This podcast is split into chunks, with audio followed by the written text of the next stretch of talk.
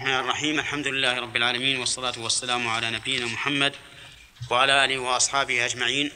أما بعد فإن بين أيدينا كتاب مختصر يسمى العقيدة الواسطية. ألفه حبر الأمة في زمانه أبو العباس شيخ الإسلام أحمد بن عبد الحليم بن عبد السلام بن تيمية الحراني رحمه الله. المتوفى سنة 728 هجرية.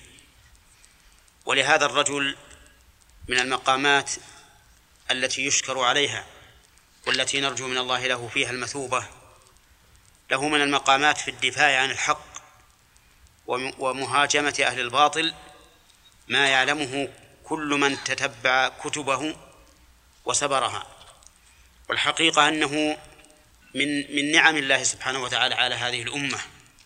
لأن الله سبحانه وتعالى كف به أمورا عظيمة خطيرة على العقيدة الإسلامية. هذا الكتاب كتاب مختصر. سماه العقيدة الواسطية لأنه حضر إليه رجل من قضاة واسط وشكا إليه ما كان الناس يعانونه من المذاهب المنحرفة فيما يتعلق بأسماء الله وصفاته. فكتب هذه العقيدة التي تعتبر زبدة لعقيدة أهل السنة والجماعة فيما يتعلق بالأمور التي خاض الناس فيها بالبدع وكثر فيها الكلام والقيل والقيل والقال. وقبل أن نبدأ في الكلام على هذه الرسالة العظيمة أو الكتاب الصغير حجما الكبير معنى نحب أن نبين أن جميع رسالات الرسل من أولهم نوح عليه الصلاة والسلام إلى آخرهم محمد صلى الله عليه وسلم كلها تدعو إلى التوحيد. كلها تدعو إلى توحيد الله عز وجل. قال الله تعالى وما أرسلنا من قبلك من رسول إلا نوحي إليه أنه لا إله إلا أنا فاعبدون. وقال تعالى ولقد بعثنا في كل أمة رسولا أن اعبدوا الله واجتنبوا الطاغوت. وذلك أن الخلق خلقوا لواحد فقط وهو الله عز وجل. خلقوا لعبادته لتتعلق قلوبهم به تألها وتعظيما وخوفا ورجاء وتوكلا ورغبة ورهبة حتى ينسلخوا عن كل شيء من الدنيا لا يكون معينا لهم على توحيد الله عز وجل في هذه الأمور. لأنك أنت مخلوق. لا بد أن تكون لخالقك قلبا وقالبا في كل شيء. لهذا كانت دعوة الرسل عليهم الصلاة والسلام إلى هذا الأمر الهام العظيم. عبادة الله وحده لا شريك له. ولم يكن الرسل الذين أرسلهم الله عز وجل إلى البشر يدعون إلى توحيد الربوبية كما يدعون إلى توحيد الألوهية. ذلك لأن منكري توحيد الربوبية قليلون جدا. قليلون. وحتى الذين ينكرونه هم في قرارة نفوسهم لا يستطيعون أن ينكروه. اللهم إلا أن يكونوا قد سلبوا العقول. العقول المدركة أي أدنى إدراك. فإنهم قد ينكرون هذا قد ينكرون هذا من باب المكابرة. توحيد الربوبية هو عبارة عن إفراد الله سبحانه وتعالى في أمور ثلاثة في الخلق والملك والتدبير. هذا هو توحيد الربوبية. إفراد الله عز وجل في ثلاثة أمور في الخلق والملك والتدبير. في أي شيء بخاري. توحيد الربوبية إفراد الله بماذا؟ لا. بالخلق. أي أعنه يا عبد العزيز؟ نعم. والتدبير. في الخلق والملك والتدبير. هذا هو توحيد الربوبية. دليل ذلك قوله تعالى ألا له الخلق والأمر. ألا له الخلق والأمر. وجه الدلالة من الآية أنه قدم فيها الخبر الذي من حقه التأخير والقاعدة البلاغية تقول إن تقديم ما حقه التأخير يفيد الحصر. ثم تأمل افتتاح هذه الآية بألا الدالة على التنبيه والتوكيد. ألا له الخلق والأمر لا لغيره. الخلق هذا هو الأمر الذي هو التدبير. الأمر الذي هو التدبير. أما الملك فمثل قوله تعالى ولله ملك السماوات والأرض فإن هذا يدل على انفراده سبحانه وتعالى بالملك. ولله ملك السماوات والأرض وجه الدلالة من من هذه الآية ها؟ كما سبق. تقديم ما حقه التأخير. إذن فالرب عز وجل منفرد بالخلق والملك والتدبير. فإن قلت كيف تجمع بين ما قررت وبين إثبات الخلق لغير الله؟ مثل قوله تعالى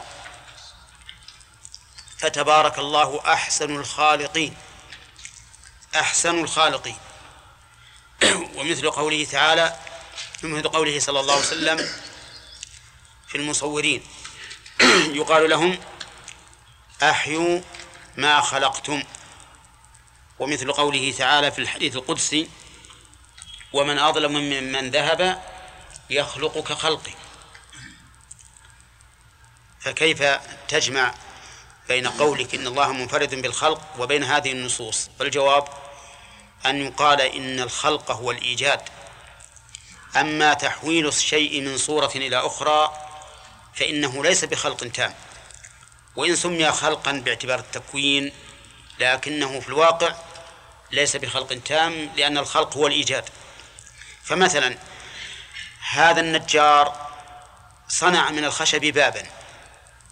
يقال خلق.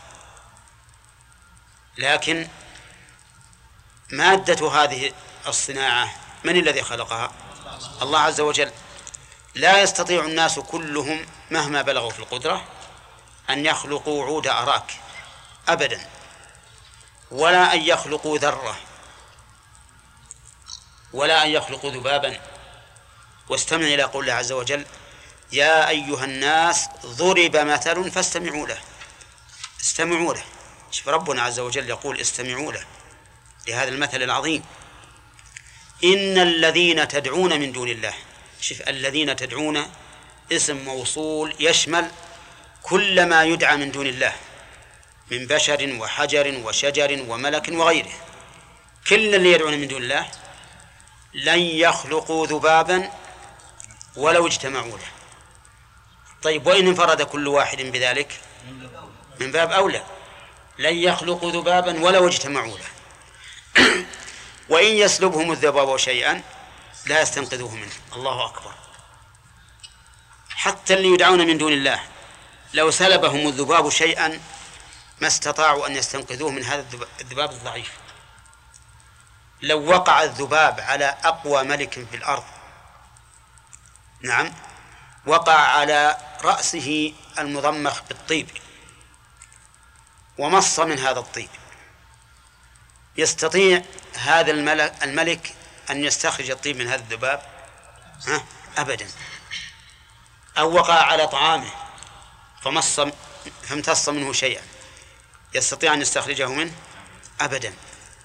إذن لمن الملك؟ لله عز وجل. الله سبحانه وتعالى هو الخالق. لن يخلقوا ذبابا ولو اجتمعوا له. فتبين الآن أن خلق ما يقال إنه خلق بالنسبة للمخلوقين يعتبر ليس خلقا حقيقيا لأن غايته أنه تحويل شيء ها؟ إلى شيء. أما العناصر والمادة فالذي خلقها هو الله عز وجل.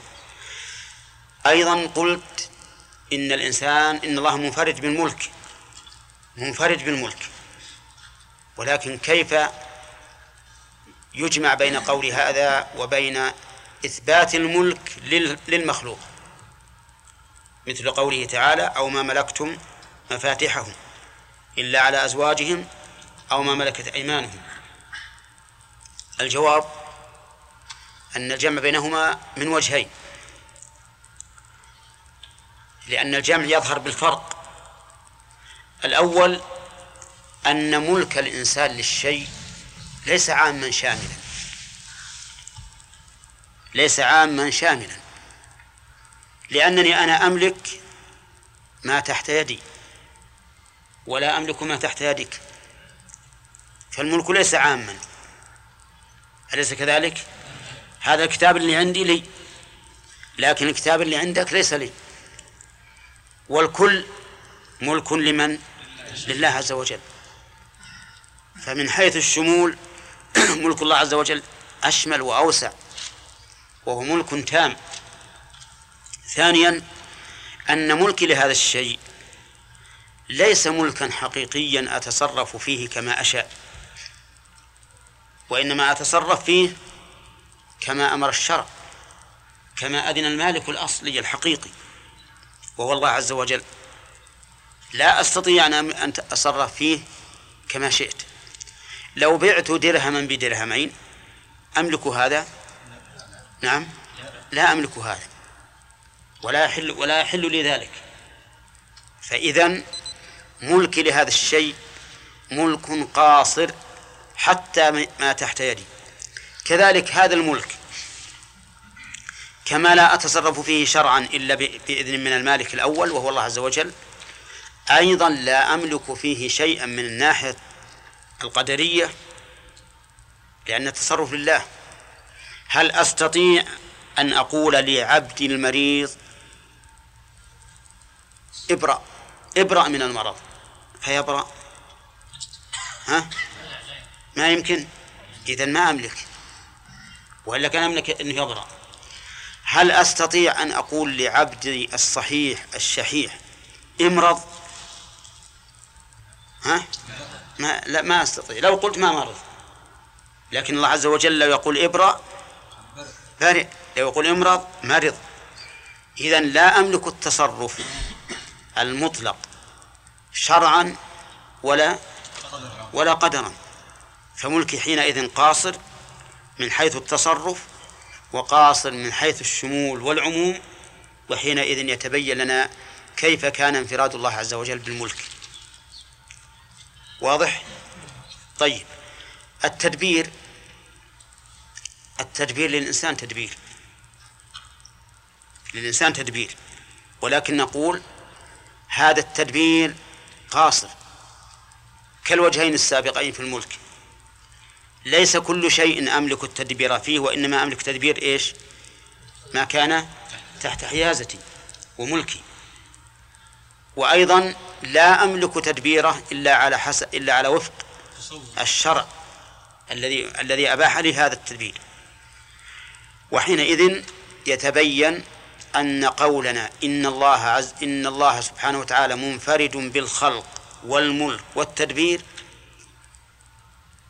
أن هذا القول كلية عامة مطلقة لا يستثنى منها شيء. ولا لا؟ لأن كل هذا اللي أوردنا لا يعارض ما, ما أثبت الله عز وجل من ذلك. توحيد الربوبية. قلت إن الرسل عليهم الصلاة والسلام لم يأتوا لتحقيقه لأنه لا ينكر. حتى فرعون الذي قال لقومه ما علمت لكم من إله غيري فأوقد لي هامان على الطين إلى آخره. والذي والذي قال لهم أنا ربكم الأعلى يعترف بأن الله رب يعترف بربه. قال الله تعالى وجحدوا بها واستيقنتها أنفسهم. لكن جحدوا بها ظلما وعلوا. ولا هم في قرارة أنفسهم يعلمون أن فرعون مه رب ويعلمون أن هناك ربا سواه. واضح؟ طيب. وقال له فرعون وهو يحاجه لقد علمت قص نعم. وقال له موسى وهو يحاج فرعون لقد علمت ما أنزل هؤلاء إلا رب السماوات والأرض بصائر. هل أنكر؟ قال ما علمت؟ لا. ما أنكر. ولا قال ما علمت. وأما إنكاره في قوله وما رب العالمين فلأن قومه عنده وكان يقول هذا تمويها. فهو لم ينكر. قال لقد علمت ما أنزل هؤلاء إلا رب السماوات والأرض بصائر وإني لأظنك يا فرعون مثبورا. إيش بالكلام؟ من كان بالله كان قويا بالله. يقول أمام هذا الطاغية الكافر المستكبر يقول وإني لأظنك يا فرعون مثبورا. فرعون ما يقدر أمام هذه الآيات يتكلم إلا بطريق القوة. فأراد أن يستفزه من الأرض فأغرقناه ومن معه جميعا. وقلنا من بعده لبني إسرائيل اسكنوا الأرض. الحاصل أن توحيد الربوبية ثابت بالعقول والفطر السليمة ولا أحد ينكره. الشيء الذي أخل فيه كثير من الناس وبعثة الرسل لتحقيقه هو توحيد الألوهية. فما هو توحيد الألوهية؟ توحيد الألوهية هو إفراد الله عز وجل بالعبادة. إفراد الله بالعبادة. بأن لا تكون عبدا لغير ربك. لا تعبد نبيا ولا ملكا ولا وليا ولا أما ولا أبا ولا شيخا ولا عجوزا لا تعبد إلا الله وحده. هذا هو توحيد الألوهية. فتفرد الله عز وجل وحده بالتأله والتعبد. ولهذا يسمى توحيد الألوهية ويسمى توحيد العبادة. فباعتبار إضافته إلى الله هو توحيد ألوهية وباعتبار إضافته إلى العابد هو توحيد عبادة. والعبادة مبنية على أمرين عظيمين هما المحبة والتعظيم. المحبة والتعظيم الناتج عنهما إنهم كانوا يسارعون في الخيرات ويدعوننا رغبا ورهبا. فبالمحبة تكون وبالخ... وبالتعظيم تكون الرهبة.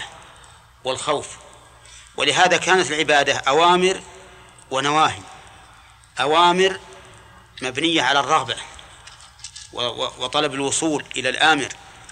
نواهي مبنية على إيش؟ على التعظيم والرهبة من هذا العظيم. فالعبادة في الحقيقة مبنية على هذين الشيئين وهما المحبة والتعظيم. فإذا أحببت الله عز وجل رغبت في, في فيما عنده ورغبت في الوصول إليه وطلبت الطريق الموصل إليه وقمت بطاعته على الوجه الأكمل. وإذا عظمته خفت منه.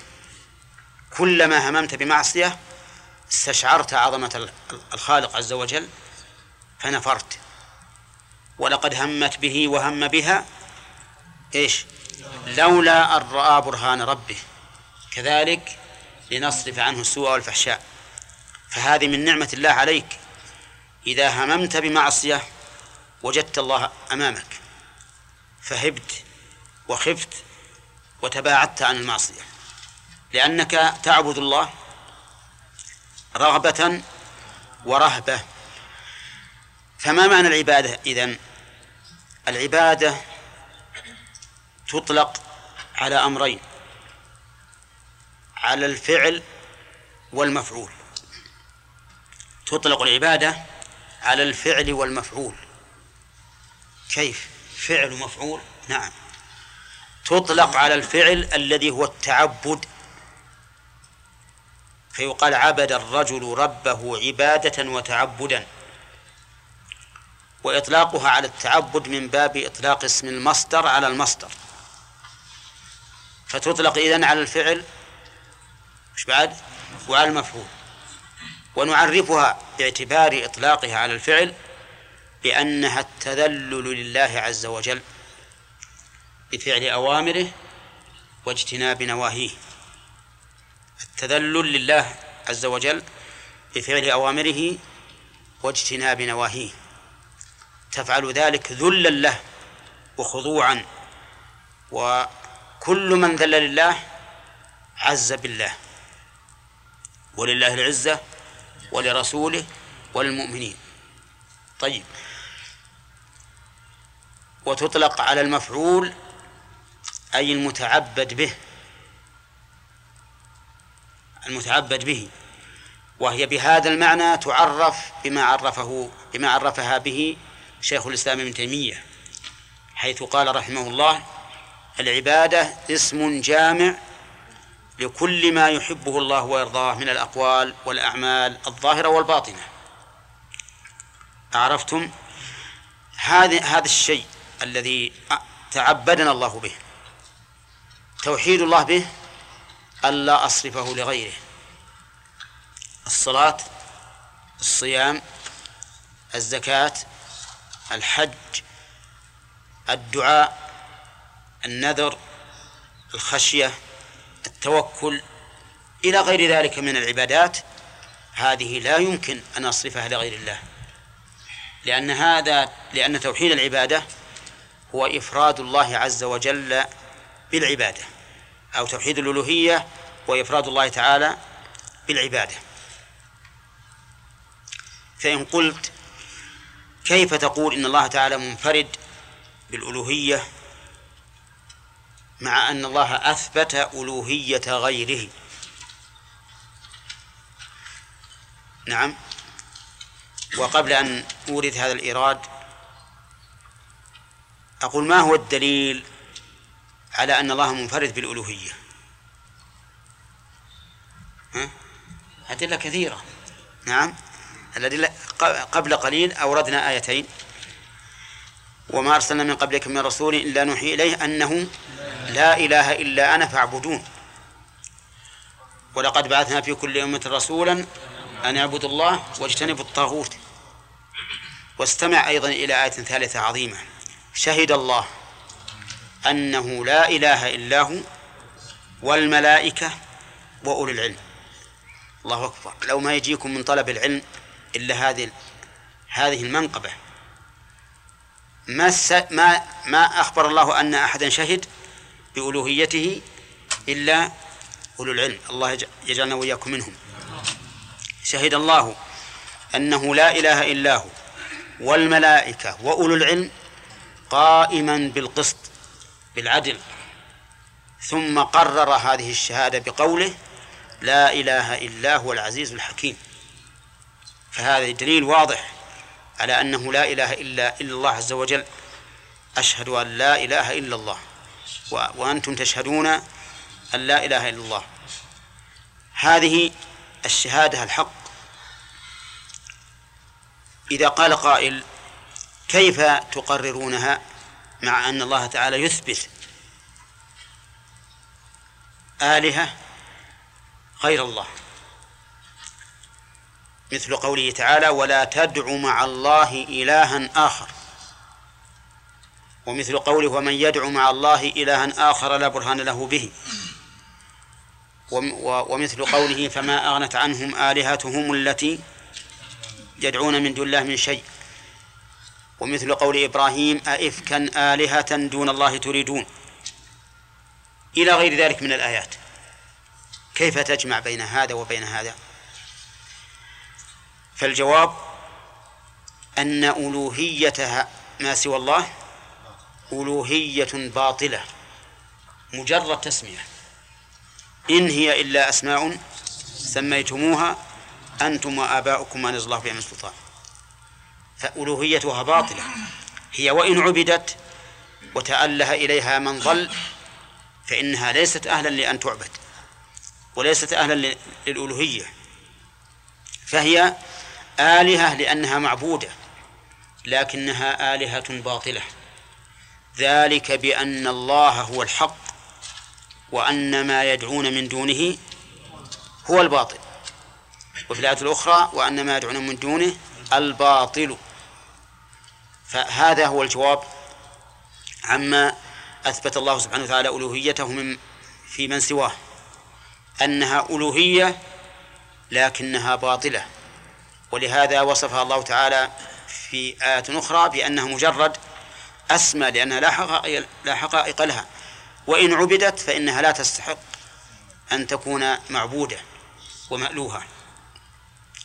هذان النوعان من أقسام التوحيد أو من أنواع التوحيد لا يجحدهما ولا ينكرهما أحد من أهل القبلة المنتسبين إلى الإسلام. لا سنيهم ولا بدعيهم. ما حد ينكرهم لأن الله تعالى موحد بالربوبية إيش بعد؟ وبالألوهية. لكن نعم حصل فيما بعد أنها أن أن من الناس من ادعى ألوهية أحد من البشر.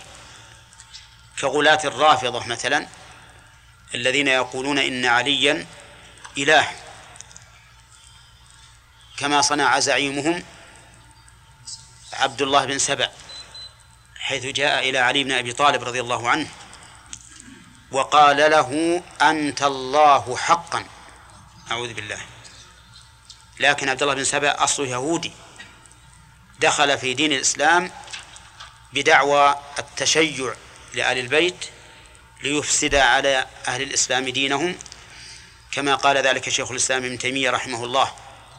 وقال إن هذا كما صنع بولس حين دخل في دين النصارى ليفسد دين النصارى. هذا الرجل عبد الله بن سبع قال لعلي بن أبي طالب رضي الله عنه أنت الله حقا. علي بن أبي طالب ما يرضى بهذا. لا يرضى علي بن أبي طالب أن أحدا ينزله فوق منزلته حتى هو رضي الله عنه من إنصافه وعدله وعلمه وخبرته كان يقول على منبر الكوفة خير هذه الأمة بعد نبيها أبو بكر ثم عمر. يعلن في الخطبة وقد تواتر النقل عنه بذلك رضي الله عنه. الذي يقول هكذا ويقر بالفضل لأهله من البشر كيف يرضى أن يقول له قائل إنك أنت الله؟ ما رضي.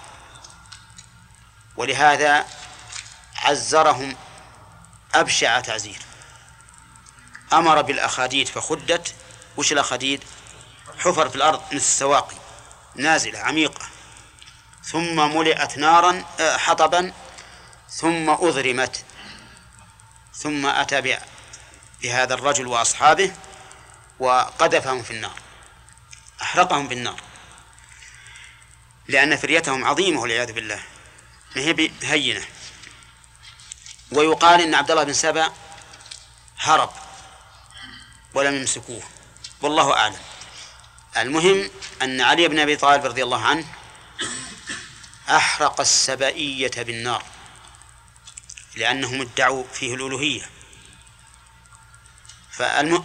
فنقول كل من كان من أهل القبلة لا ينكر هذين النوعين من التوحيد وهما توحيد الربوبية وتوحيد الألوهية. وإن كان يوجد في بعض أهل البدع من يؤله أحدا من البشر. لكن الذي كثر فيه النزاع والخوض هو القسم الثالث وهو توحيد الأسماء والصفات. توحيد الله تعالى بأسمائه وصفاته هذا هو الذي كثر فيه الخوض. فانقسم الناس فيه إلى قسمين بل إلى ثلاثة مكذب ومؤول ومحقق. مكذب ومؤول ومحقق. والصواب أن نقول بدل مؤول محرف محرف ومحقق. انقسم الناس فيه إلى هذه الأقسام الثلاثة. وأول بدعة ظهرت في هذه الأمة هي بدعة الخوارج. بدعة الخوارج هي أول بدعة ظهرت في الأمة. لأن زعيمهم خرج على النبي صلى الله عليه وسلم. وهو ذو الخويصرة من بني تميم حين قسم النبي صلى الله عليه وسلم ذهيبة جاءت قسمها بين الناس فقال له هذا الرجل يا محمد اعدل أعوذ بالله اعدل. فكان هذا أول خروج خرج على الشريعة الإسلامية. ثم صارت بدعتهم في عهد الصحابة. خرجوا على عثمان بن أبي طالب على عثمان رضي الله عنه بل خرجوا لو شئنا لقلنا خرجوا على أبي بكر وعلى عمر وعلى عثمان وعلى علي وما زالوا يتوالون. ثم بعد ذلك ظهرت بدعة القدر بدعة القدرية. مجوس هذه الأمة. الذين قالوا إن الله سبحانه وتعالى ما قدر أفعال العباد. ما قدرها. وليست تحت وليست داخلة تحت مشيئته. وليست مخلوقة له. بل كان زعماؤهم وغلاتهم يقولون إنها غير معلومة لله. ولا مكتوبة في اللوح المحفوظ. وأن الله لا يعلم بما يصنع الناس إلا إذا وقع ذلك. إذا وقع منهم الشيء علم به. ويقولون الأمر أنف أي مستأنف. وهؤلاء أدركوا آخر عصر الصحابة. فقد أدركوا زمن عبد الله بن عمر رضي الله عنه وعبادة بن الصامت وجماعة من الصحابة لكنه في أواخر العصر عصر الصحابة. ثم ظهرت بعد ذلك بدعة الإرجاء. الإرجاء وأدركت زمن كثير من التابعين. وش الإرجاء؟ الإرجاء الذين يقولون إنه لا تضر مع الإيمان معصية. أنت مؤمن؟ نعم. محمد انتبه. أنت مؤمن؟ يقول نعم. يقول لا يضرك المعصية. مع الإيمان لا تضر المعصية. تزني تسرق تشرب الخمر تقتل ما ما في شيء. ما دمت مؤمنا فأنت مؤمن كامل الإيمان وإن فعلت كل معصية. هؤلاء خرجوا لمقابلة الخوارج. شوف كيف البدعة تجر إلى بدعة. خرجوا لمقابلة الخوارج. الخوارج ماذا يقولون؟ يقولون الكبيرة تخرج الإنسان من الإيمان. إذا زنى الإنسان فهو كافر يستباح دمه وماله. إذا سرق فهو كافر يستباح دمه وماله. هذا هذا من؟ الخوارج. هؤلاء أرادوا أن يقابلوهم ببدعة. قالوا أبدا. إذا كان مؤمنا بالله ورسوله واليوم الآخر وأصول الإيمان الستة فليعمل ما شاء. كل المعاصي وإن كبرت ما عدا الكفر والشرك فإنها لا تنقص الإيمان. فضلا عن تخرج منه لا تنقصه فالإنسان مؤمن كامل الإيمان. فجاء قوم من الأذكياء. والله أعلم هل هم أزكياء أم لا. هم أذكياء لكن الله أعلم هل هم أزكياء أو لا. قالوا نجمع بين القولين ونقول اللي يفعل الكبيرة ليس بمؤمن كما قال المرجئة وليس بكافر كما قال الخوارج بل هو في منزلة بين منزلتين. كرجل سافر من عنيزة إلى الرياض نعم. فصار في أثناء الطريق. وش نقول له؟ لا في الرياض ولا في عنيزة بل في منزلة بين منزلتين. هم قالوا هكذا. قالوا لا نقول فاعل الكبيرة في كافر ولا مؤمن كامل الإيمان. في منزلة بين منزلتين. طيب وماذا تصنعون به في الآخرة؟ قال نقول مخلد في النار. يوافقون الخوارج ولا لا؟ يوافقونهم في الآخرة لكن في الدنيا يخالفونهم. ظهرت هذه البدعة وانتشرت ثم جاءت بدعة الظلمة والجهمة وهي بدعة جهم بن صفوان الجهمية. جاءت هذه البدعة لا تتعلق بمسألة الأسماء والدين مؤمن ولا كافر ولا فاسق ولا منزلة بين منزلتين؟ لا. تتعلق بذات الخالق. شوف كيف وصلوا. تدرجت البدع المكفهرة في صدر الإسلام حتى وصلوا إلى الخالق جل وعلا. وجعلوا الخالق بمنزلة جثة يشرحونها كما شاءوا. فيقول هذا ثابت لله وهذا غير ثابت. هذا يقبل العقل أن يتصف الله به وهذا لا يقبل العقل أن يتصف به. فجاءت بدعة الجهمية والمعتزلة وهكذا. فانقسموا في أسماء الله وصفاته إلى أقسام متعددة. قسم قالوا لا يجوز أبدا أن نصف الله لا بوجود ولا بعدم. لا نصف الله لا بوجود ولا عدم. لا تقل موجود ولا معدوم طيب إيش يصير؟ قال لا تقول. لا موجود ولا معدوم قاتلكم الله. أين نذهب؟ قال إن قلت موجود شبهته بالموجودات. صار مثل زيد وعمر الموجودين. وإن قلت معدوم شبهته بالمعدومات. صار مثل الإنسان قبل أن يخلق. فلا مفر. طيب قولوا لماذا أقول؟ قال قل لا موجود ولا معدوم نعم. طيب. قال لهم شيخ الإسلام ابن تيمية هذه القضية ممتنعة مستحيلة. يعني مستحيل أن يكون الشيء لا موجودا ولا معدوما. لماذا؟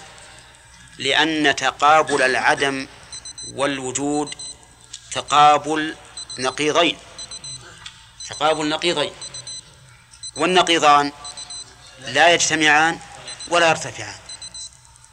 سلب وإيجاب لا يمكن. أحدهما ولا لا بد أن يكون. فإذا قلتم إنه لا موجود ولا معدوم سلبتم عنه النقيضين وشبهتموه بماذا؟ بالممتنعات المستحيلات. فنحن إن قلنا إنه موجود شبهناه بالموجودات أهون. الموجودات ممكنة موجودة. أو بالمعدومات شبهناه؟ بالمعدوم ممكن أيضا. لكن بالشيء لا موجود ولا معدوم ممتنع. كل عقول بني آدم تنكر هذا الشيء. ولا تقبلون انتبه. هؤلاء قالوا لا نقول موجود لا موجود ولا معدوم.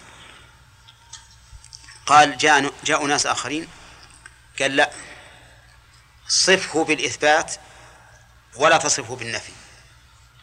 صفه بالإثبات ولا تصفه قصدي صفه بالنفي صفه بالنفي ولا ولا تصفه بالإثبات. يعني أنهم يجوزون أن تسلب عن الله سبحانه وتعالى الصفات لكن لا تثبت. يعني لا تقول هو حي وش أقول؟ قل, ليس بميت. لا تقول حي. لا تقول عليم وش أقول ليس بجاهل. وهكذا. ليش؟ قال لو أثبتت له شيئا شبهته ها بالموجودات. لأن الشيء على زعمهم كل الأشياء الموجودة متشابهة. كل الأشياء موجودة متشابهة. فأنت لا تثبت له شيئا وأما النفي فاملأ الدنيا كلها من النفي. مع أن الموجود في الكتاب والسنة في صفات الله الإثبات أكثر من النفي بكثير. هم يقول لا املأ السماوات والأرض وما بينهما من النفي فيما تصف الله به ولكن لا تثبت له صفة واحدة. أعرفتم هؤلاء يصفون الله تعالى بالسلوب دون الإثبات. طيب قيل لهم إن الله قال سميع عن نفسه السميع بصير إلى آخره. قالوا هذا من باب الإضافات. يعني نسب إليه السمع لا لأنه متصف به ولكن لأن له مسموعا مخلوقا يسمع. فهو من باب الإضافات. فسميع يعني ليس له سمع لكن له مسموع. أو طائفة ثانية قالوا هذه الأوصاف لمخلوقاته وليست له. لمخلوقاته وليست له. أما هو لا يثبت له صفة. ثم جاء قوم دون هؤلاء فأثبتوا الأسماء دون الصفات. أثبتوا الأسماء دون الصفات. وهذا أخذ به المعتزلة. أثبتوا أسماء الله. قالوا إن الله سميع بصير قدير عليم حكيم إلى آخره لكن لا ليس له صفة. أبدا. ما له الصفة أبدا. سميع وش معنى السميع؟ ها؟ وش معنى السميع؟ في الأصل يعني في اللغة العربية. سميع له سمع. قالوا هم لا. قل سميع بلا سمع بصير بلا بصر عليم بلا علم حكيم بلا حكمة. مثل ما نقول نحن الآن وزير بلا بلا وزارة. طيب شوفوا والعياذ بالله هؤلاء يدعون أنهم عقلاء يدعون أنهم عقلاء. طيب هؤلاء أهون من الأولين ولا لا؟ أهون. جاءت طائفة رابعة قالت لا نثبت له الأسماء. حقيقة. ونثبت له صفات معددة معينة. دل عليه العقل وننكر الباقي. طيب ماذا تثبتون له؟ قالوا نثبت له سبع صفات فقط. نعم. والباقي ننكره. ننكره تحريفا. لا تكذيبا لأنهم لو أنكروه تكذيبا كفروا. لكن ينكرونه تحريفا وهو ما يسمى ما يدعون أنه تأويل. طيب. الصفات السبع هي مجموعة في قوله له الحياة والكلام والبصر سمع إرادة وعلم واقتدر. الحياة والكلام والسمع والبصر. إيش بعد؟ والعلم والكلام والقدرة. ها؟ الإرادة الإرادة والقدرة. الإرادة والقدرة. سبع صفات. والباقي لا نثبته. نعم؟ له الحياة والكلام والبصر سمع إرادة وعلم واقتدر. هذه نثبتها والباقي لا نثبته. ليش؟ قال لأن العقل دل عليه وبقية الصفات ما دل عليه العقل. فنثبت ما دل عليه العقل وننكر ما لم يدل عليه العقل. وهؤلاء الأشاعرة. آمنوا بالبعض وأنكروا البعض. آمنوا بالبعض وأنكروا البعض.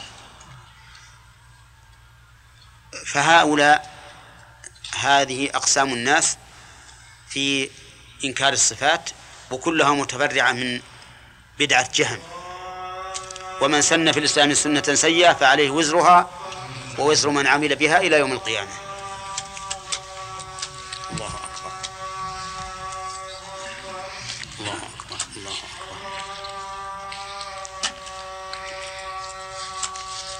الدرس إن شاء الله بيستمر إلى البدع.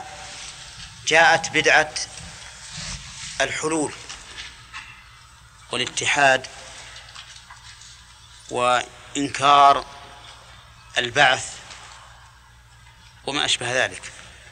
تفرعت من بدعة الجهمية والمع البدع. جاءت بدعة الحلول والاتحاد وإنكار البعث وما أشبه ذلك. تفرعت من بدعة الجهمية والمعتزلة لأنه جاء المتفلسفة الذين دخلوا بالإسلام وأثرت فيهم فلسفة اليونان فأخذوا من فلسفة اليونان ما أخذوا وضلوا به عن الطريق وأضلوا كثيرا استنادا إلى بدعة الجهمية والمعتزلة. لأن الجهمية والمعتزلة كلهم يؤولون آيات الصفات وأحاديثها وأحاديثها يؤولونها ويقولون وأنا أعبر بالتأويل بناء على دعواهم. وإلا ففي الحقيقة أنهم يحرفونها. حرفوها. وقالوا إنه لا يراد ظاهرها. لا يراد بها ظاهرها. لا يراد بها إثبات الصفات. وإنما يراد بها معاني هم عينوها بعقولهم. فجاء الفلاس المتفلسفة أهل الحلول والاتحاد مثل الحلاج وغيره وأنكروا وجود الخالق والبعث والجنة والنار.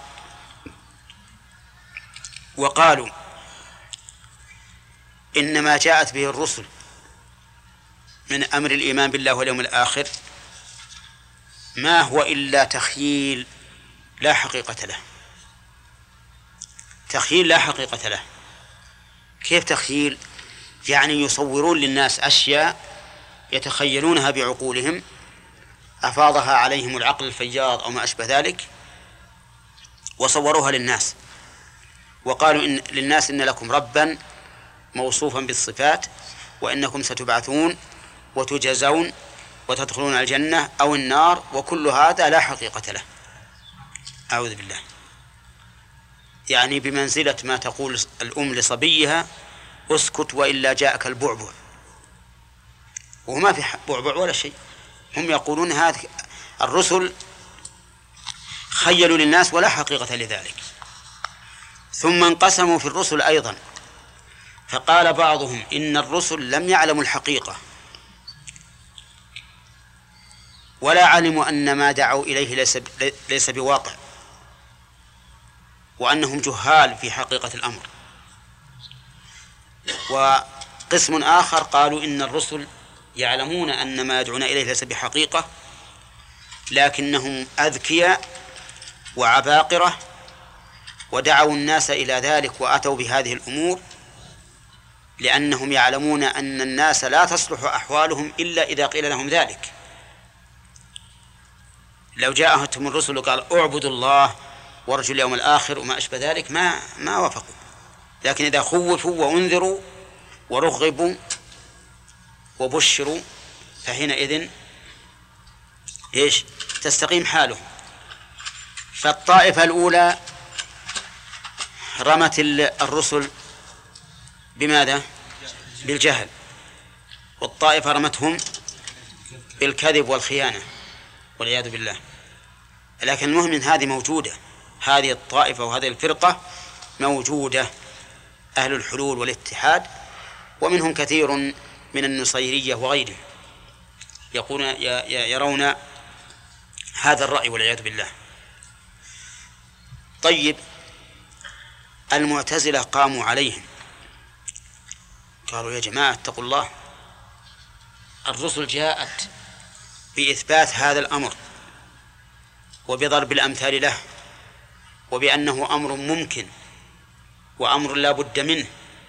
لا بد من بعث وجزاء وجنة ونار. والنصوص بين أيدينا واضحة. والشبهة التي تقولون إنه لا يمكن أن يكون فاسدة.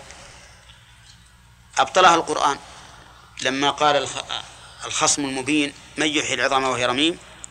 قال الله يحييها الذي أنشأها أول مرة. فالرسل جاءت بإثبات المعاد. والجزاء والشبهة المانعة منه فاسدة. فيلزمكم أن تقولوا بإثباته. وش قال لهم الشياطين هؤلاء؟ الفلاسفة قالوا طيب. الرسل جاءت بإثبات الصفات لله عز وجل. والشبهة التي تمنع من وجود الصفات لله فاسدة. وش المانع من أن يتصف الله بالعلم والقدرة والحكمة والرحمة وما أشبه ذلك؟ من غير مماثلة. وش المانع؟ ما في مانع. فالرسل جاءت بإثبات الصفات والمانع منتفي ومع ذلك أنتم نفيتم الصفات. كيف تحتجون علينا بشيء أنتم تصنعونه؟ بل, بل الذي أنكرناه نحن. تقريره في الكتاب والسنة أقل بكثير من تقرير أسماء الله وصفاته. يعني لو تدبرت القرآن والسنة أيما أكثر أن يتحدث الله عن عن البعث والجزاء والجنة والنار أو عن أسمائه وصفاته؟ عن أسمائه وصفاته. ما تكاد تجد آية إلا وفيها شيء من أسماء الله وصفاته. بل كل حرف في القرآن فهو من صفات الله لأنه كلام الله فهو صفته. كيف أنتم تنقمون منا؟ أن ننكر أمرا تنكرون أنتم ما هو أعظم تحققا منه. ولذلك استطال عليهم الفلاسفة أو المتفلسفة في الأصح استطالوا على المعتزلة. وعجز عجز المعتزلة والجهمية وأتباعهم عن عن الجواب. لكن جاء أهل السنة والجماعة ومن نور الله بصيرتهم وقالوا نحن نجيبكم. نحن نقول الكل حق على حقيقته. ولا ولا نتناقض. وبذلك قامت الحجة على من؟ على الفلاسفة المتفلسفة وعلى المعتزلة والجهمية. فالحاصل أنكم أيها الإخوة لو طالعتم في كتب القوم التي تعتني بجمع أقاويل الناس في هذا الأمر لرأيتم العجب العجاب. الذي تقولون كيف يتفوه عاقل عاقل فضلا عن مؤمن بمثل هذا الكلام. ولكن من لم يجعل الله له نورا فما له من نور. الذي أعمى الله بصيرته كالذي أعمى الله بصره. فكما أن أعمى البصر لو وقف أمام الشمس التي تكسر نور البصر لم يرها فكذلك من من أعمى الله بصيرته لو وقف أمام أنوار الحق ما رآه والعياذ بالله. ولهذا ينبغي لنا دائما أن نسأل الله سبحانه وتعالى الثبات على الأمر وأن لا يزيغ قلوبنا بعد إذ هدانا لأن الأمر خطير والشيطان يدخل على ابن آدم من كل صوب ومن كل وجه ويشكك فيه في عقيدته وفي دينه وفي كتاب الله وسنة رسوله. فهذه في الحقيقة البدع التي انتشرت في الأمة الإسلامية. ولكن ولله الحمد ما ابتدع أحد بدعة إلا قيض الله بمنه وكرمه من يبين هذه البدعة ويدحرها بالحق. وهذا من تمام مدلول قول الله تعالى إنا نحن نزلنا الذكر وإنا له لحافظون. هذا من حفظ الله لهذا الذكر.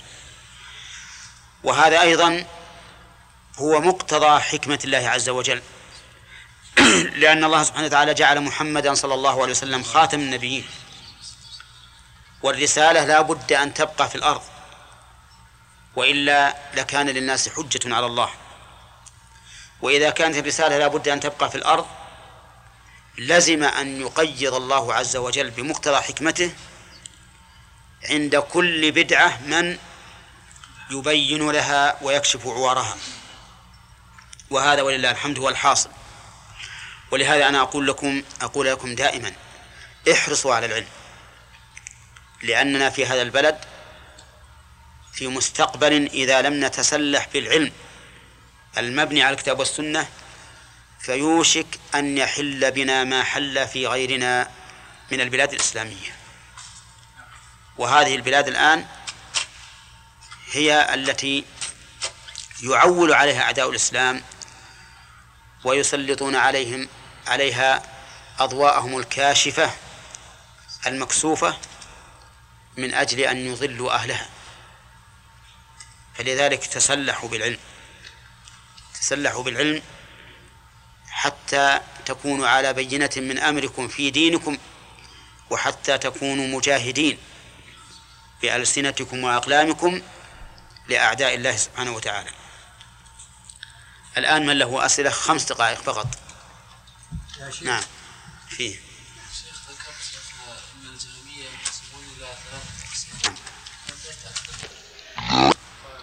أفراد منهم أفراد إيضاحه بالنسبة لهذه البدع. وكل هذا من أجل أن نحرص على العلم المتلقى من كتاب الله وسنة رسوله صلى الله عليه وسلم لأنهما هما الأصل. وكل هذه البدع كما سمعتم كلها حدثت بعد الصحابة. الصحابة رضي الله عنهم ما كانوا يبحثون بهذه الأمور لأنهم يتلقون الكتاب والسنة على ظاهرهما وعلى ما تقتضيه الفطرة والفطرة السليمة سليمة. لكن جاء هؤلاء إما لقلة علمهم أو لقلة فهمهم قصور فهمهم أو لسوء قصدهم. فأفسدوا الدنيا كلها بهذه البدع التي أخرجوها. ولكن كما قلنا إن الله سبحانه وتعالى بحكمته وحمده ومنته وفضله ما من بدعة خرجت إلا قيض الله له لها من يدحضها ويبينها. من جملة الذين بينوا البدع وقاموا قياما تاما هو شيخ الإسلام ابن تيمية رحمه الله وأسأل الله لي ولكم أن يجمعنا به في جنات النعيم. هذا الرجل الذي نفع الله به فآتاه من فضله ومن على الأمة بمثله. ألف هذه العقيدة كما قلت إجابة لطلب أحد قضاة واسط الذي شكا إليه ما كان الناس عليه من البدع وطلب منه أن يؤلف هذه العقيدة فألفها. يقول فيها رحمه الله الحمد بسم الله الرحمن الرحيم. والبداء بالبسملة هي شأن جميع المؤلفين في الإسلام اقتداء بكتاب الله عز وجل. فإن أول ما كتب الصحابة سورة الفاتحة كتبوا فيها بسم الله الرحمن الرحيم استنادا إلى سنة الرسول صلى الله عليه وسلم. وإعراب البسملة ومعناها سبق لنا وقلنا إن أصح ما يقال في تقديرها أنها متعلقة بفعل محذوف متأخر مناسب. فعل محذوف متأخر مناسب. فإذا قدمتها يا محمد نور بين يدي الأكل. وش التقدير؟ الأكل؟ ها. بسم الله بسم الله آكل. تقدمها بين يدي القراءة؟ تقول التقدير بسم الله. أقرأ. نقدره فعلا لأن الأصل في العمل الأفعال للأسماء. ولهذا الأفعال تعمل بلا شرط والأسماء ما تعمل إلا بشرط لأن العمل أصل في الأفعال فرع في الأسماء. نقدره متأخرا لفائدتين الأولى الحصر فإن بسم الله أقرأ بمنزلة لا أقرأ إلا بسم الله. والفائدة الثانية تيمنا بالبداءة بسم الله سبحانه وتعالى. طيب خاصا لأن الخاص أدل على المقصود من العام. إذ من الممكن أن أقول التقدير بسم الله أبتدئ لكن بسم الله أبتدئ بأي شيء؟ عام ولا لا؟ أسألكم. عام. لكن بسم الله أقرأ خاص. والخاص أدل على المعنى من العام. أما الله فهو علم على نفس الله عز وجل ولا يسمى به غيره وهو مشتق على القول الراجح لقوله تعالى وهو الله في السماوات وفي الأرض يعلم سركم وجهركم فإن في السماوات متعلق بلفظ الجلالة يعني وهو المألوه في السماوات وفي الأرض. وأما الرحمن فهو ذو الرحمة الواسعة. لأن فعلان في اللغة العربية تدل على السعة والامتلاء. كما يقال رجل غضبان إذا امتلأ غضبا كصاحب التيس الذي سأل الآن. نعم. وكذلك أيضا آه، نقول آه، الرحيم صفة اسم يدل على الفعل. لأنه فعيل بمعنى فاعل فهو دال على الفعل. فيجتمع من من الرحمن الرحيم أن صفة أن رحمة الله تعالى واسعة وتؤخذ منين؟ من الرحمن. وأنها واصلة إلى الخلق ثابتة من الرحيم. وهذا هو هو ما رمى إليه بعضهم. بقوله الرحمن رحمة عامة والرحيم رحمة خاصة بالمؤمنين. ولكن ما ذكرناه أولى.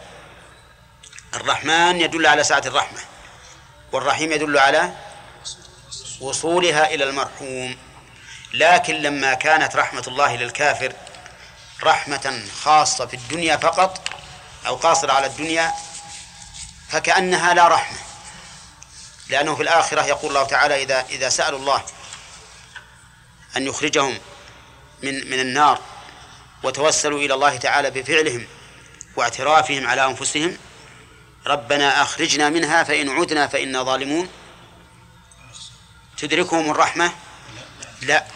يدركهم العدل. فيقول الله عز وجل لهم اخسأوا فيها ولا تكلمون. أعوذ بالله. طيب. بسم الله الرحمن الرحيم. الحمد لله الحمد لله الذي أرسل رسوله بالهدى ودين الحق. الله تعالى يحمد على كماله عز وجل وعلى إنعامه.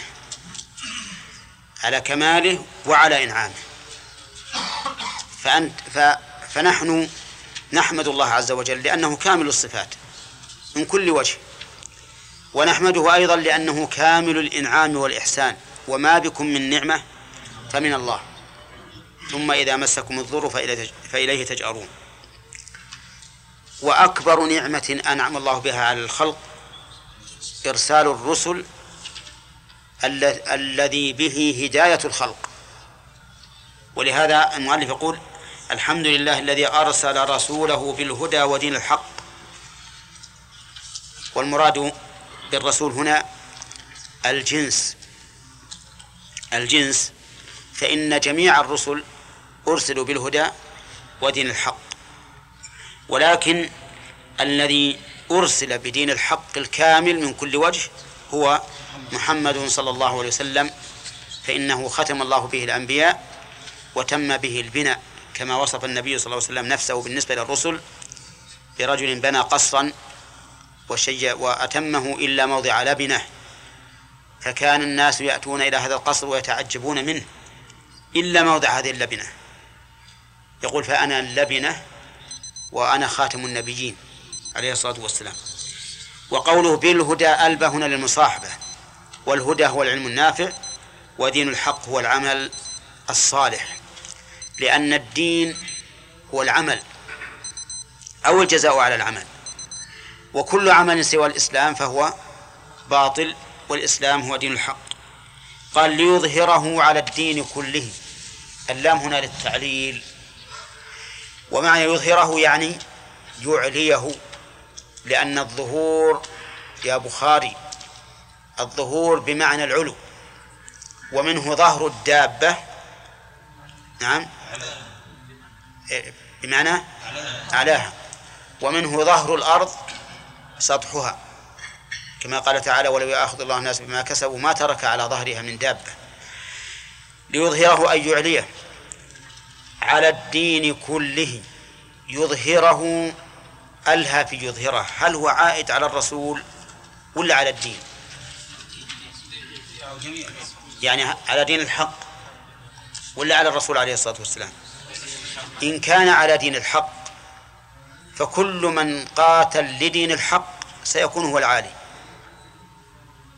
كل من قاتل لهذا الدين سيكون هو العالي.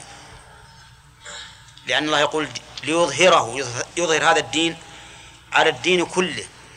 طيب وعلى ما لا دين له؟ لأن في ناس ما عندهم دين.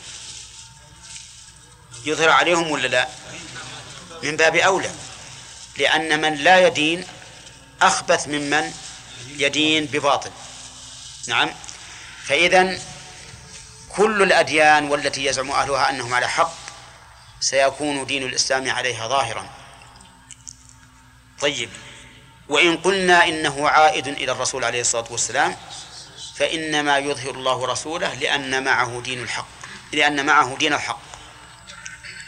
وعلى كلا التقديرين فإن من تمسك بهذا الدين الحق فهو الظاهر العالي. ومن ابتغى العزة بغيره فقد ابتغى الذل أليس كذلك؟ لأنه لا يمكن لا ظهور ولا عزة ولا كرامة إلا بالدين ولهذا أنا أدعوكم معشر الإخوة إلى التمسك بدين الله ظاهرا وباطنا في العبادة والسلوك والأخلاق وفي الدعوة إليه حتى تقوم الأمة وتستقيم حتى تقوم الملة وتستقيم الأمة. قال ليظهر على الدين كله وكفى بالله شهيدا. كفى بالله يقول المعربون إن البا هنا زائدة لتحسين اللفظ. تحسين اللفظ والمبالغة في الكفاية. وكفى بالله وأن أصلها وكفى الله وشهيدا تمييز محول عن الفاعل لأن أصلها وكفت ها شهادة الله. معنى هذا والمؤلف جاء بالآية يعني لو قال قائل ما مناسبة كفى بالله شهيدا لقوله ليظهره على الدين كله. المناسبة ظاهرة لأن هذا النبي عليه الصلاة والسلام جاء يدعو الناس ويقول من أطاعني دخل الجنة ومن عصاني دخل النار. ويقول من أطاعني سالمته ومن عصاني حاربته. ويحارب الناس بهذا الدين ويستبيح دماءهم وأموالهم ونساءهم وذريتهم. وهو في ذلك منصور مؤزر غالب غير مغلوب. فهذا التمكين له في الأرض تمكين الله لرسوله في الأرض. شهادة من الله. فعلية ولا قولية؟ شهادة فعلية بأنه صادق وأن دينه حق. لأن كل من افترى على الله كذبا كل من افترى على الله كذبا فمآله الخذلان والزوال والعدم. وانظر الذين ادعوا النبوة. ماذا كان ماذا كان مآلهم؟ ها؟ النسوا وأهلكوا مسيلمة الكذاب والأسود العنسي وغيرهما ممن يدعوا النبوة كلهم تلاشوا وبان بطلان قولهم وحرموا الصواب والسداد لكن هذا النبي محمد صلى الله عليه وسلم على العكس دعوته إلى الآن والحمد لله باقية ونسأل الله أن يثبتنا وإياكم عليها دعوته إلى الآن باقية. وإلى أن تقوم الساعة. ثابتة راسخة. نعم. يستباح بدعوته إلى اليوم دماء من ناوأها من الكفار. وأموالهم وأموالهم ونساؤهم وذريتهم. هذه الشهادة فعلية ولا لا؟ ها؟ فعلية. ما أخذه الله ولا فضحه. ولا كذبه. ولهذا جاءت بعد قوله ليظهره على الدين كله وكفى بالله شهيدا. ثم قال وأشهد أن لا إله إلا الله وحده لا شريك له. أشهد بمعنى أقر. بقلبي. ناطقا بلساني. لأن الشهادة أيها الإخوة نطق وإخبار عما في القلب. أنت عند القاضي تشهد بحق فلان على فلان. تشهد بالقلب ولا باللسان المعبر عما في القلب؟ ها؟ باللسان المعبر عما في القلب. إذا أشهد أقر بقلبي ناطقا بلساني. واختيرت الشهادة دون الإقرار. لأن الشهادة أصلها من من من شهود الشيء. أي حضوره ورؤيته. فكأن هذا المخبر عما في قلبه الناطق بلسانه كأنه يشاهد الأمر بعينه بأن لا إله إلا الله وسبق تفسير معناها وحده لا شريك له. وحده هذه من حيث المعنى توكيد. للإثبات ولا للنفي؟ للإثبات. لا شريك له توكيد للنفي. إقرارا به وتوحيدا. إقرارا هذه مصدر وإن شئت فقل إنه مفعول مطلق. لأنه مصدر معنوي لقوله أشهد. أشهد. أهل النحو يقولون إذا كان المصدر بمعنى الفعل دون حروفه فهو مصدر معنوي. إذا كان بمعناه وحروفه فهو مصدر لفظي. فقمت قياما ها؟ لفظي. وقمت وقوفا معنوي. جلست جلوسا جلست قعودا معنوي. شهدت إقرارا معنوي. فقول المؤلف إقرارا هذه مفعول مطلق لأشهد وهي مصدر معنوي. قال وتوحيدا. توحيدا هذه مصدر مؤكد لقوله لا إله إلا الله. وأشهد أن محمدا عبده ورسوله صلى الله عليه وعلى آله وصحبه وسلم تسليما مزيدا. أشهد أن محمد نقول في أشهد ما قلنا في أشهد الأولى. ومحمد هو ابن عبد الله بن عبد المطلب القرشي الهاشمي الذي هو من سلالة إسماعيل ابن إبراهيم. أشرف الناس نسبا عليه الصلاة والسلام. هذا النبي الكريم هو عبد الله ورسوله. وهو أعبد الناس لله وأشدهم تحقيقا لعبادته. كان عليه الصلاة والسلام يقوم في الليل حتى تتورم قدماه. ويقال له كيف تصنع هذا وقد غفر الله لك ما تقدم من ذنبك وما تأخر؟ فيقول أفلا أكون عبدا شكورا؟ خلوا خلوا. أفلا أكون عبدا شكورا؟ لأن الله تعالى أثنى على العبد الشكور. حين قال عن نوح إنه كان عبدا شكورا. فأراد النبي عليه الصلاة والسلام أن يصل إلى هذه الغاية وأن يعبد الله تعالى حق عبادته. ولهذا هو أتقى الناس وأخشى الناس لله وأشدهم رابة فيما عند الله سبحانه وتعالى فهو عبد. ومقتضى ومقتضى عبوديته أنه لا يملك لنفسه ولا لغيره نفعا ولا ضرا وليس له حق في الربوبية إطلاقا. بل هو عبد محتاج إلى الله مفتقر له يسأله ويدعوه ويرجوه ويخافه. نعم. بل إن الله أمره أن يعلن وأمره أن يبلغ بلاغا خاصا بأنه لا يملك شيئا من هذه الأمور. فقال قل لا أملك لنفسي نفعا ولا ضرا إلا ما شاء الله. ولو كنت أعلم الغيب لاستكثرت من الخير وما مسني السوء. وأمره أن يعلن فيقول قل لا أملك لنفسي قل لا أقول لكم عندي خزائن الله ولا أعلم الغيب ولا أقول لكم إني ملك.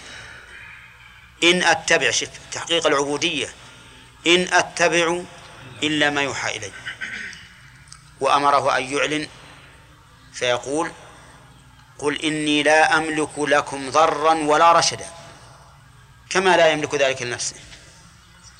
قل إني لا أملك لكم ضرا ولا رشدا.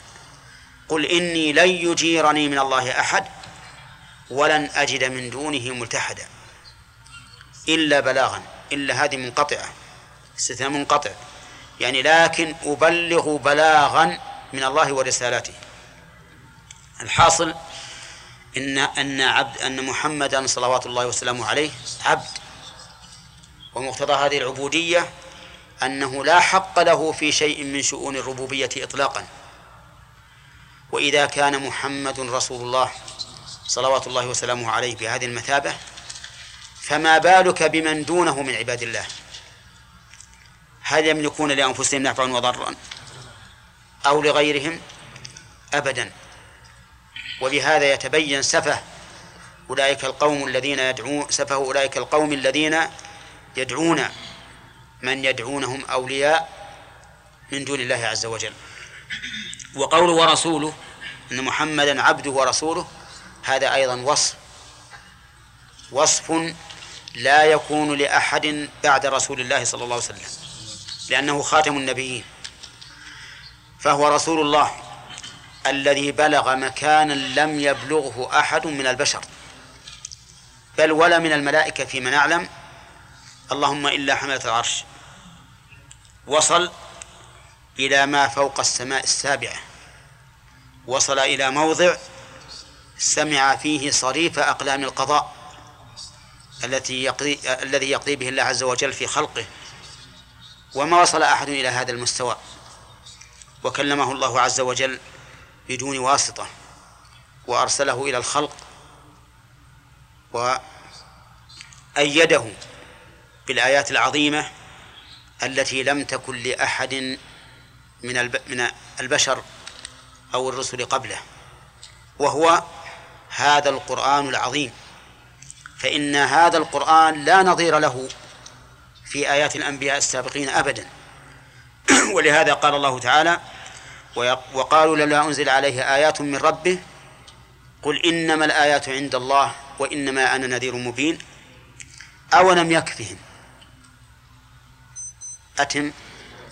أولم يكفهم أنا أنزلنا عليك الكتاب يتلى عليه هذا يكفي عن كل شيء ولكن لمن كان له قلب أو ألقى السمع وهو شهيد. أما المعرض فسيقول كما قال من سبقه هذا أساطير الأولين. الحاصل أن محمد رسول الله خاتم النبيين ختم الله به النبوة والرسالة أيضا. لأنه إذا انتفت النبوة وهي أعم من الرسالة انتفت الرسالة التي هي أخص. لأن انتفاء الأعم يستلزم انتفاء الأخص. طيب. فرسول الله عليه الصلاة والسلام هو خاتم النبيين. صلى الله عليه وعلى آله وأصحابه وصحبه وسلم تسليما كثيرا. صلى الله عليه ما معناها يا بخاري؟ وش معنى صلى الله عليه.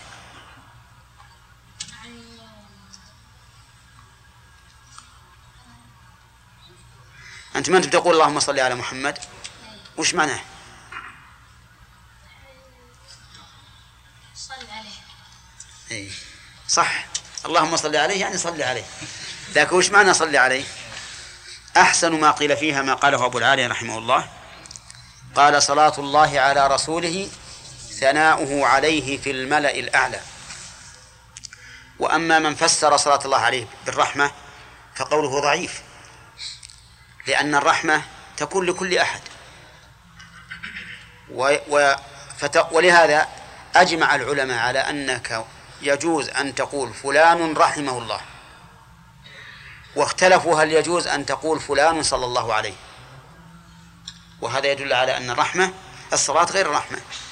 وأيضا فقد قال الله تعالى أولئك عليهم صلوات من ربهم ورحمة. والعطف يقتضي المغايرة.